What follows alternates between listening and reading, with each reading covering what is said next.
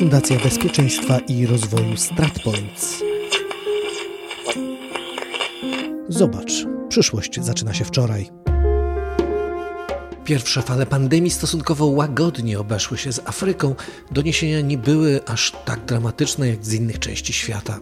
Teraz to wydaje się zmieniać, nie mówiąc już o tym, że poziom szczepień jest znacznie, dramatycznie niższy niż w Europie czy w Ameryce Północnej. Od początku pandemii członkowie zespołu ratunkowego Polskiego Centrum Pomocy Międzynarodowej pracowali w wielu miejscach na świecie, od Włoch przez Azję Środkową po Afrykę. Teraz wspierają służby medyczne w Ugandzie. O sytuacji, radzeniu sobie z pandemią COVID-19 w Afryce rozmawiam z Wojciechem Wilkiem, prezesem PCPM. W, Afryce poziom wyszczepienia ludności z reguły jest poniżej 1%. W, w Ugandzie tylko 0,2% ludności jest w pełni zaszczepionych i on będzie bardzo wolno rósł, gdyż w Afryce de facto szczepionki przyjeżdżają w partiach po kilkanaście tysięcy sztuk, czyli możliwości wyszczepienia kilkunastu tysięcy osób, kiedy ludność krajowa afrykańska przed Ugandę to jest 45 milionów. Wyszczepienie ludności potrwa w krajach afrykańskich nawet nie rok czy dwa, ale, ale zapewne znacznie dłużej. I ludność Afryki zdaje sobie sprawę z tego, że dla nich szczepionka jest de facto jedyną szansą na obronę przed COVID-em, dlatego że systemy ochrony zdrowia w Afryce są, no co by nie mówić, nieporównywalnie słabsze niż w jakimkolwiek kraju europejskim. Przede wszystkim w Afryce nie ma systemu intensywnej opieki medycznej, nie ma systemu intensywnej terapii, dlatego że przez ostatnie lata inwestowano wiele pieniędzy w, przede wszystkim w rozwój podstawowej opieki zdrowotnej, gdyż bardzo szybko rośnie ludność i te pieniądze, które by można byłoby zainwestować w wyposażenie jednego oddziału intensywnej terapii, powiedzmy dla 10 łóżek, wystarczą zapewne na zbudowanie ośrodków zdrowia dla kilkuset tysięcy osób i zapewnienie im podstawowej opieki zdrowotnej, która zapewne nawet uratuje więcej żyć niż te 10 łóżek intensywnej terapii.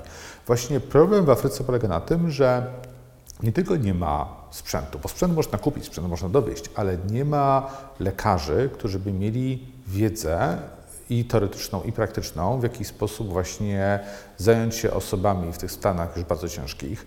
Nie ma specjalistów od intensywnej terapii, nie wszystko to, czym dysponują polscy czy, czy europejscy lekarze pod kątem wiedzy, da się nauczyć na krótkich kursach. To są bardzo często to są całe lata pracy. Fakt, że COVID jest chorobą inną niż te, z którymi lekarze mieli wcześniej do czynienia, ale pewnego rodzaju rozwiązania, doświadczenia to są, to są lata doświadczenia, lata wiedzy. Do rozmowy o pandemii koronawirusa w Afryce i roli, którą polski zespół ratowniczy odgrywa w walce z COVID-19 oraz o tym, czego Polska może się nauczyć, zaraz wrócę. Teraz Alicja Baczyńska i wiadomości dotyczące pandemii na świecie. Z najnowszego badania opublikowanego przez brytyjskich naukowców wynika, że długotrwałe zmiany spowodowane przez COVID-19 u dzieci są rzadkością. Według ekspertów z King's College w Londynie większość dzieci choruje bezobjawowo, a u pozostałych większość objawów jest łagodna. Zazwyczaj są to bóle głowy i uczucie zmęczenia, co mija w ciągu tygodnia. Po przebadaniu ponad 1700 przypadków Brytyjczyków w wieku od 5 do 17 lat okazało się, że zaledwie u 4% objawy utrzymywały się przez miesiąc, a u 2% przez ponad dwa miesiące. Profesor Emma Duncan podsumowuje, że co prawda dzieci mogą cierpieć na długotrwałe następstwa COVID-19, ale jest to znacznie rzadsze niż u dorosłych. Niemniej w przypadku podejrzenia koronawirusa u dziecka zawsze należy skonsultować się z lekarzem.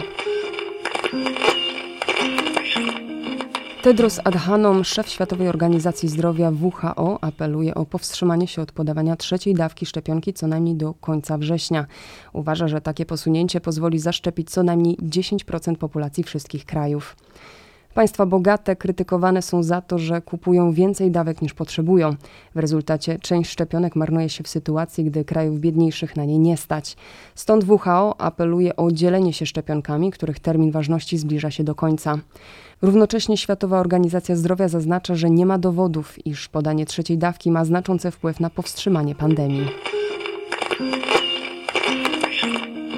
Osoby zaszczepione, które zachorowały na koronawirusa w wariancie Delta, równie często zarażają innych, co osoby niezaszczepione. Wynika to z badań przeprowadzonych w USA, gdzie wariant Delta odpowiada za blisko 94% wszystkich nowych zachorowań. Wyniki te są bardzo istotne, gdyż obecnie powszechne jest założenie, że osoby zaszczepione stwarzają bardzo nieduże ryzyko przekazania wirusa innym. Tymczasem, o ile szczepienia znacznie zmniejszają ryzyko hospitalizacji, ciężkiego przebiegu choroby, to okazuje się, że nie zmniejszają ryzyka zarażenia, zwłaszcza osób niezaszczepionych. Oznacza to, że zaszczepieni nadal powinni dbać o bezpieczeństwo swoje i innych, zachowując dystans społeczny czy używając maseczek. Kolejna mutacja koronawirusa, wariant lambda, jest nie tylko bardzo zaraźliwa, ale również bardziej odporna na szczepionki. Co prawda nadal nie wiadomo, czy wariant lambda jest bardziej niebezpieczny niż szerzący się obecnie wariant delta, to nowa mutacja została już określona przez Światową Organizację Zdrowia jako wariant wymagający zainteresowania. Z kolei delta jest wariantem powodującym niepokój. Nową odmianę COVID-19 odnotowano w Peru. Pomimo względnej rzadkości, naukowcy przestrzegają przed ignorowaniem tej mutacji, która przede wszystkim obserwowana jest w Ameryce Południowej. Łącznie wariant lambda stwierdzono u około 3000 osób w 30 krajach. W Polsce odnotowano cztery takie przypadki. O globalnej walce z COVID-19 mówiła Alicja Baczyńska. Z Wojciechem Wilkiem rozmawiam o pandemii w Afryce i o pomocy, którą niosą tam członkowie medycznego zespołu ratunkowego PCPM oraz o lekcjach, które oni i Polska mogą wynieść. W Afryce nie widać tego, co widać w Europie, czyli nie widać zwiększonej śmiertelności populacyjnej ze względu na COVID-19 i, i de facto nie wiem, czy ktoś byłby w stanie z pełnym autorytetem powiedzieć, że wie dlaczego. Możemy się domyślać dlaczego. Jednym, jednym z czynników jest to, że jest dużo niższy średni wiek ludności, znaczy ta ludność jest dużo młodsza. Na przykład w Ugandzie czy w takich krajach jak Niger średnia wieku ludności to jest poniżej 20 lat, kiedy w Polsce to jest 42-43. Potem w tych krajach, no, ze względu też na inne choroby, warunki sanitarne, ludność jest bardziej, bardziej odporna, na przynajmniej na niektóre rodzaje chorób. Także zapewne odgrywa znaczenie czy temperatura, czy nasłonecznienie, ale to wszystko się kończy, gdy chory na COVID ma już ciężki przebieg tej choroby, gdyż trafia do szpitala, gdzie nie ma tlenu, gdzie nie ma personelu, gdzie nie ma respiratorów, ba, nie ma tlenu, żeby zasilić te respiratory. I to między innymi z tym, z tym się borykamy w Ugandzie, a ona ma 45 minut ludności. Co, co jest ciekawsze, nie wiem, czy my się kiedykolwiek dowiemy, jaki jest naprawdę zakres i skutek COVID-u w Afryce. Dlatego, że z jednej strony wiadomo, że skutek ekonomiczny i społeczny jest, jest katastrofalny. Z lockdowny, zamknięcia, ograniczenia handlu, ograniczenia przemieszczania się powodują ogromne skutki na, dla ludności. Międzynarodowy Fundusz Walutowy oszacował już w zeszłym roku, że COVID spowodował zepchnięcie ponad 70 milionów ludzi poniżej granicy ubóstwa, co jest to jednak 5% ludności Afryki. Natomiast e, im dłużej będzie trwał COVID, tym ten skutek będzie, będzie jeszcze gorszy. I zapewne on będzie miał także skutek w wojnach domowych, w różnego rodzaju turbulencjach, czy politycznych, czy jakichś walkach międzyetnicznych, czy, czy różnego rodzaju napięciach. Natomiast słyszy się, chociaż mało kto o tym mówi, że w pewnych regionach Afryki COVID jest o wiele bardziej zabójczy. Na przykład, gdy nasz zespół pracował na, na Madagaskarze, dochodziły do nas głosy, że umierały całe wsie. I nie wiemy dlaczego. To znaczy, czy to COVID spowodowany tym, że w południowym Madagaskarze jest potężny kryzys żywnościowy, jest głód, więc bardzo możliwe, że śmiertelność może być potęgowana przez głód i niedożywienie.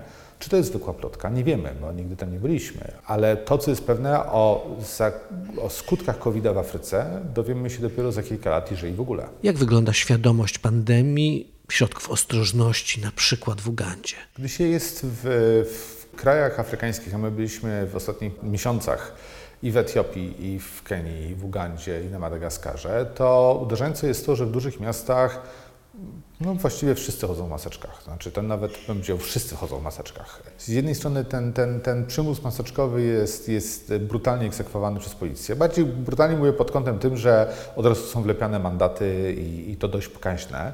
Natomiast też ludzie widzą, że w, w, miastach jest tak duże zagęszczenie ludności, że tam nie ma szans, żeby ktokolwiek mógł liczyć na jakiś dystans społeczny. Kampala, która jest stolicą Ugandy, ma 6 milionów mieszkańców, więc no, w takim mieście ciężko utrzymać jakikolwiek dystans.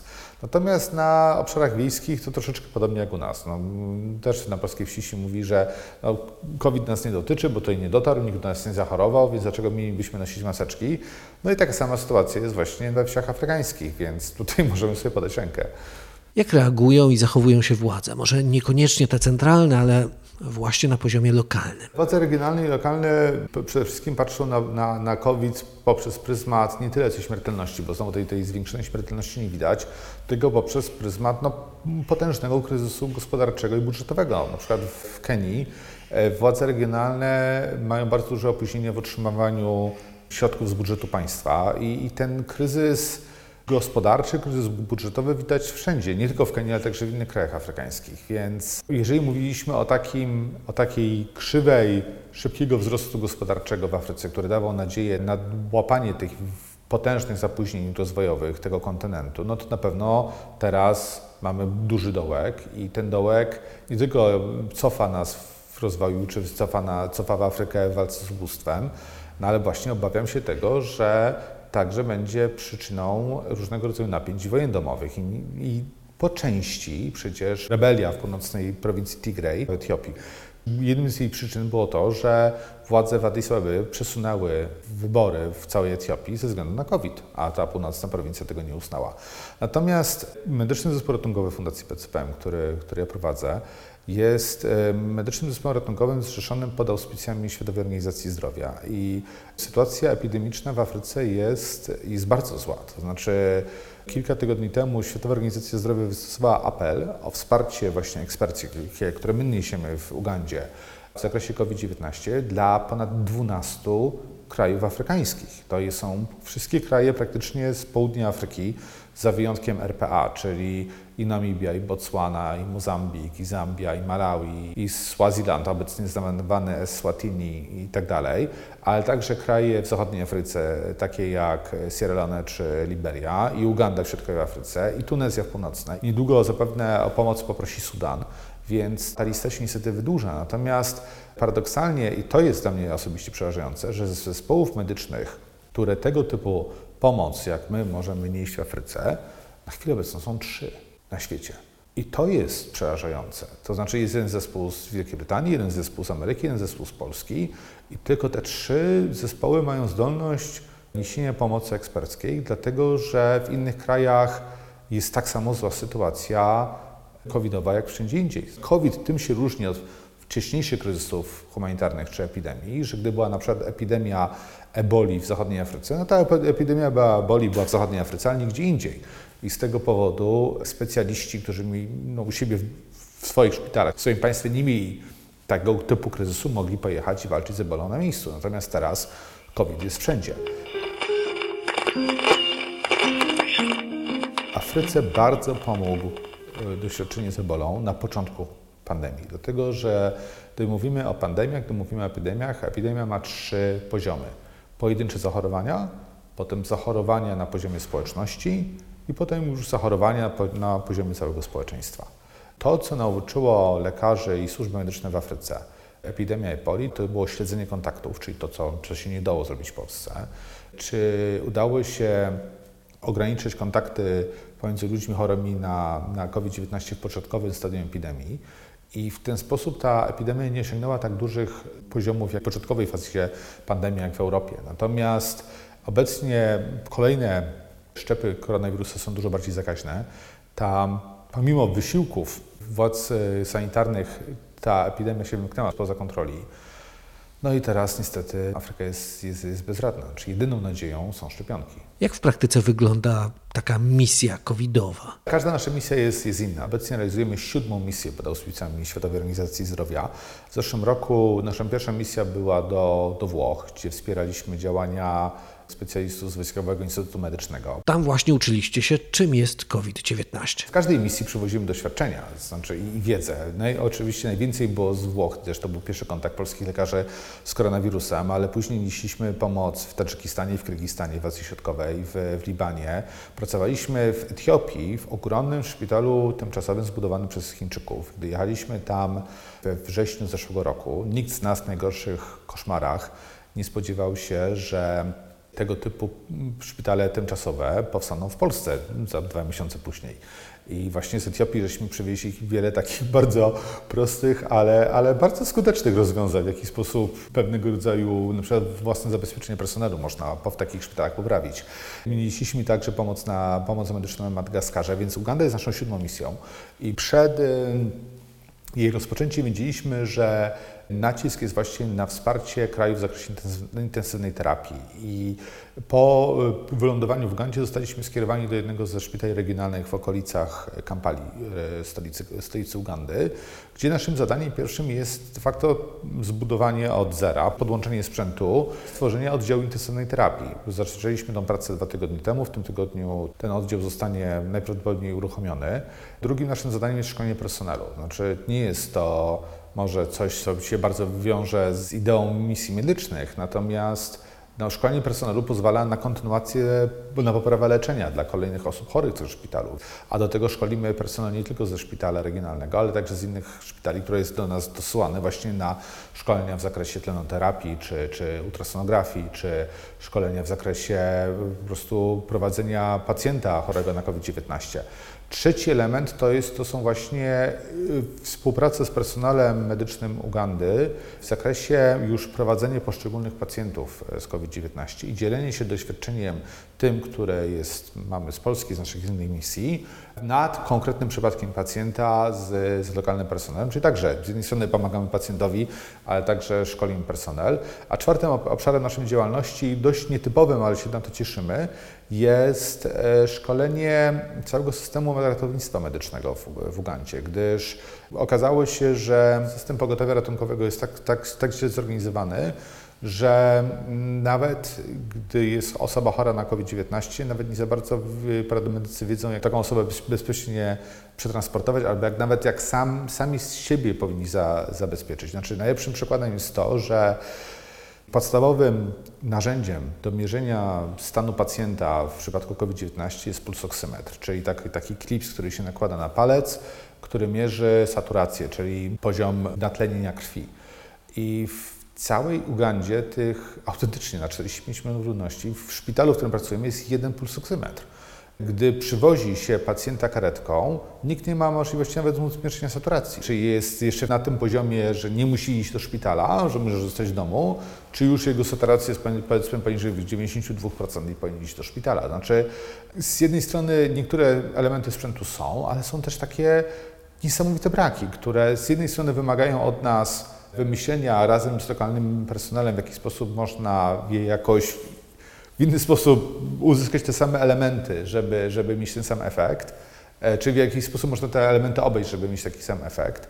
Ale z drugiej strony w takich warunkach polski personel też się dużo uczy, dlatego że nie zawsze ma się wszystko dostępne i wydaje mi się, że postawienie naszych lekarzy, naszych ratowników medycznych, naszych pielęgniarek w takich sytuacjach pewnego rodzaju wyzwania, pewnego rodzaju zmierzenia się z pewnego rodzaju brakami, też jest dla nich dobrą możliwością zawodowego rozwoju. Skoro mówimy o rozwoju polskich specjalistów, co realnie przywożą z tych misji? No, tutaj pod tym kątem chyba każdy lekarz i każdy pielęgniarz czy ratownik medyczny będzie miał swoją długą listę do powiedzenia. Na pewno Nasza pierwsza misja do Włoch była misją, która pozwoliła e, zidentyfikować, czym jest koronawirus oraz także, powiedzmy sobie szczerze, podpatrzeć u Włochów, w jaki sposób oni podchodzili do leczenia koronawirusa. Wówczas te procedury leczenia się wydawały najlepsze. Teraz z perspektywy lat wiadomo, że tam były potężne niedociągnięcia, no ale to było całkowicie nowe wyzwanie, przed którym personel medyczny został postawiony. Na przykład Nietypową rzeczą, którą żeśmy, w której, nietypowe warunki, w których żeśmy pracowali, to było podczas naszej misji w Tadżykistanie, gdzie musieliśmy wspierać szpitale położone bardzo wysoko w górach i gdzie jeden ze szpitali był na wysokości 3,5 tysiąca metrów. I w tym momencie mamy do czynienia z pacjentami, których u niektórych naturalnie e, natlenienie krwi jest dużo niższe, nawet poniżej tych krytycznych dla normalnego pacjenta poziomów, gdyż mieszkają tak wysoko i tam jest tak rozszerzone powietrze. Jednak w tego typu warunkach cały proces diagnozy COVID-u i zupełnie, wygląda zupełnie inaczej. W Etiopii na przykład byliśmy pod bardzo dużym wrażeniem, jak został zorganizowany obieg pacjentów w szpitalu e, tymczasowym w Addis Abebie. Był zbudowany w takiej potężnej hali na 20 tysięcy metrów kwadratowych, gdzie było 600 chorych, na, a było ponad 800 łóżek w jaki sposób były zrobione tak zwane śluzy wejściowe i wyjściowe. No takie, taka mały szczegół, że w miejscu, gdzie lekarze i personel medyczny ubierali swoje kombinezony ochronne i zdejmowali, były na przykład lustra. O tym wcześniej nikt nie myślał, żeby były w tego typu przybranych takie duże teatralne lustra, przed którym personel mógłby sam sprawdzić, czy wszystko dobrze przylega, czy wszystko dobrze jest przymocowane. Znowu, prosta sprawa, ale potem takie same lustra były na Stadionie Narodowym i w innych szpitalach tymczasowych, gdyż podpatrzyliśmy, że jest to po prostu dobre rozwiązanie, które zwiększa same bezpieczeństwo lekarzy.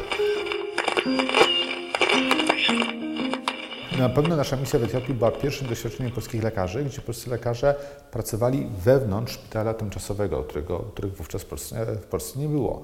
No a teraz mamy do czynienia z wariantem Delta w, w Afryce i miejmy nadzieję, że nie będziemy musieli się z nim borykać w Polsce. Jak bardzo walka z wariantem Delta różni się od wcześniejszych doświadczeń? Na razie ciężko, ciężko na to odpowiedzieć, gdyż, gdyż w, w Ugandzie y, borykamy się nie tyle co z, z jednym czy z drugim wariantem koronawirusa, tylko z tym, że na przykład mamy do czynienia z oddziałem intensywnej terapii, w którym pracujemy, gdzie instalacja tlenowa jest zasilana z butli, a nie z tlenu rozprowadzonego rurami przez instalację tlenową szpitala co oznacza, że muszą być zupełnie nowe procedury wdrożone, w jaki sposób te buty są dostarczane na oddział, na strefy skażonej szpitala, w jaki sposób są przełączane, tak żeby właśnie ten, no, żeby podczas przełączania butli no, stan nasycenia e, tlenem pacjenta nie gwałtownie nie spadł itd., tak itd. Tak Oczywiście to można sobie pomyśleć, że no, ale mamy dobre szpitale w Polsce, to nas nie dotyczy. Oczywiście, bo mam nadzieję, że to nas nie dotyczy, ale jak patrzę na mapę polskiego wyszczepienia, to są duże obszary, gdzie mm, poziom wyszczepienia ludności jest niewielki, a one nie, naprawdę nie mają dużego nasycenia istniejącymi szpitalami, więc bardzo możliwe, że to, to, to, jak się nauczymy, w jaki sposób respiratory mogą być zasilane z butli 50-litrowych na tlen, oby to nie było potrzebne podczas jakichś kolejnych fal koronawirusa w Polsce. Jak chętnie Wasze doświadczenia są przyjmowane i wdrażane w Polsce? Właściwie jedynym sposobem, na jaki do tej pory nasze doświadczenia były wykorzystywane w Polsce, są, to są one wykorzystywane na poziomie poszczególnych szpitali. Natomiast nasi współpracownicy, a z Medycznym Zespołem Ratunkowym PCPM współpracuje ponad 100 lekarzy, ratowników medycznych, pielęgniarek, pracują oni w całej Polsce i, po, i ci, którzy uczestniczyli w misjach pod auspicjami WHO, to jest ponad 40 osób, Wszyscy lekarze, wszyscy pielęgniarze, ratownicy medyczni zatrudnieni w szpitalach, ten cały personel pracował w szpitalach tymczasowych, więc wielu z nich nagle po powrocie z misji, jako że mieli właśnie to doświadczenie, które nie miał polski personel, zostali na przykład poproszeni o zorganizowanie na przykład stref wejściowych do szpitala tymczasowego, czy, czy bycie osobą odpowiedzialną za zabezpieczenie przeciwko zakażeniom personelu medycznego, czy po prostu prowadziło różnego rodzaju szkolenia, dzieląc się tym doświadczeniem. My się z tego bardzo cieszymy. Ale wydaje mi się, znaczy ten sposób przekazywania wiedzy, który widzimy na, na chwilę obecną, to jest właśnie na poziomie poszczególnych szpitali. No i aby ta wiedza z jednej strony była przekazywana z naszych misji do personelu w Polsce, ale także się bardzo cieszymy na tą możliwość, że polscy lekarze, pielęgniarze, ratownicy medyczni, którzy w tym momencie, kiedy w Polsce na całe szczęście nie ma dużej fali koronawirusa, mogą też dzielić się swoim doświadczeniem w tych krajach, gdzie już jest bardzo źle. Czy jesteście w stanie zorganizować jakieś bardziej systemowe rozwiązania, dzielenie się wiedzą, doświadczeniami ponad indywidualne zabiegi i starania poszczególnych członków zespołu? Paradoksalnie, o ile wytyczne ze strony WHO, czy tak zwane Terms of Reference misji medycznego zespołu ratunkowego, one są praktycznie do siebie bardzo podobne, to każda z tych misji jest inna. Niektóre z tych misji to są misje, które są misjami naprawdę wsparcia personelu medycznego szpitali, gdzie pracuje się w trybie zmianowym, pracuje się w trybie który jest normalnym trybem wsparcia leczenia pacjentów i wtedy rzeczywiście mamy do czynienia z dużo większą ilością wiedzy, którą przynosimy z takiej wiedzy i którą rzeczywiście możemy się, możemy się dzielić. Na przykład po powrocie z misji z, w Etiopii, kiedy została podjęta w Polsce decyzja o tworzeniu szpitali tymczasowych, natychmiast przygotowaliśmy raport dla Ministerstwa Zdrowia i dla MSZ, opisując szczegółowo, jak działał szpital tymczasowy w Etiopii, w którym żeśmy pracowali, pokazując jego słabe i mocne strony. Natomiast e, duża część naszej misji to jest dość nietypowe. To jest działanie, które jest dla nas całkowitą nowością. Są to działania przede wszystkim szkoleniowe w Ugandzie. Naszym zadaniem jest właśnie przekazanie wiedzy od nas do naszych partnerów w Ugandzie oraz ich szkolenie w, zakresie intensywnej terapii, której w Ugandzie do tej pory na 45 milionów mieszkańców jest dosłownie trzech specjalistów. Pandemia nie mija, zmienia się. Co dalej? Jesteśmy w kontakcie ze Światową Organizacją Zdrowia, jesteśmy w kontakcie z innymi organizacjami, które równolegle do nas z Wielkiej Brytanii czy z USA realizują misje medyczne w Afryce pod auspicjami WHO. I każdy z nas wie, że tak długo, jak na to pozwala sytuacja epidemiczna w naszej ojczyźnie, czy to będzie Polska, czy Wielka Brytania, czy, czy, czy jakiś inny kraj, tak długo możemy tą pomoc nieść. Natomiast jeżeli sytuacja w Polsce by się bardzo pogorszyła, no najważniejsze są działania u nas, u nas, u nas w kraju i to, żeby polscy lekarze mogli pracować w polskich szpitalach. Jeżeli na to pozwoli sytuacja epidemiczna w Polsce, na pewno będziemy chcieli zrealizować jeszcze jedną czy dwie misje we wsparcia e, działań Światowej Organizacji Zdrowia w Afryce, gdyż cały czas na pomoc czeka 11 krajów, a ta lista cały czas się wydłuża. Natomiast jeżeli by sytuacja epidemiczna w Polsce się pogorszyła, oby nie, no to rzeczywiście trzeba będzie misję medyczną odłożyć na później i zająć się wsparciem, znaczy pozwolić naszym współpracownikom wrócić do swojego miejsca zatrudnienia i tam niestety podjąć kolejną walkę z koronawirusem. Oby nie. Oby nie. Dziękuję bardzo. Dla tych z Państwa, którzy są zainteresowani działaniami medycznego zespołu ratunkowego PCPM, zachęcam do wejścia na stronę internetową www.pcpm.org.pl, gdzie nie tylko można się dowiedzieć, w jaki sposób działamy, gdzie działamy, dlaczego działamy, ale dla tych z Państwa, którzy są lekarzami, czy ratownikami medycznymi, czy pielęgniarkami, czy położnymi, czy farmaceutami, czy specjalistami od diagnostyki obrazowej, czy instalacji tlenowych w szpitalach. Także zachęcam do współpracy. O pandemii COVID-19 w Afryce, o pomaganiu i o tym, czego Polska może się nauczyć z doświadczeń rozmaitych krajów, na terenie których działał zespół ratunkowy Polskiego Centrum Pomocy Międzynarodowej, rozmawiałem z Wojciechem Wilkiem. Podcast został sfinansowany z grantu przyznanego przez Departament Stanu USA. Opinie, stwierdzenia i wnioski zawarte w tym podcaście należą do jego autorów i nie muszą odzwierciedlać stanowiska Departamentu Stanu USA. Fundacja Bezpieczeństwa i Rozwoju StratPoints. Podcast zrealizowany we współpracy z Free Range Productions.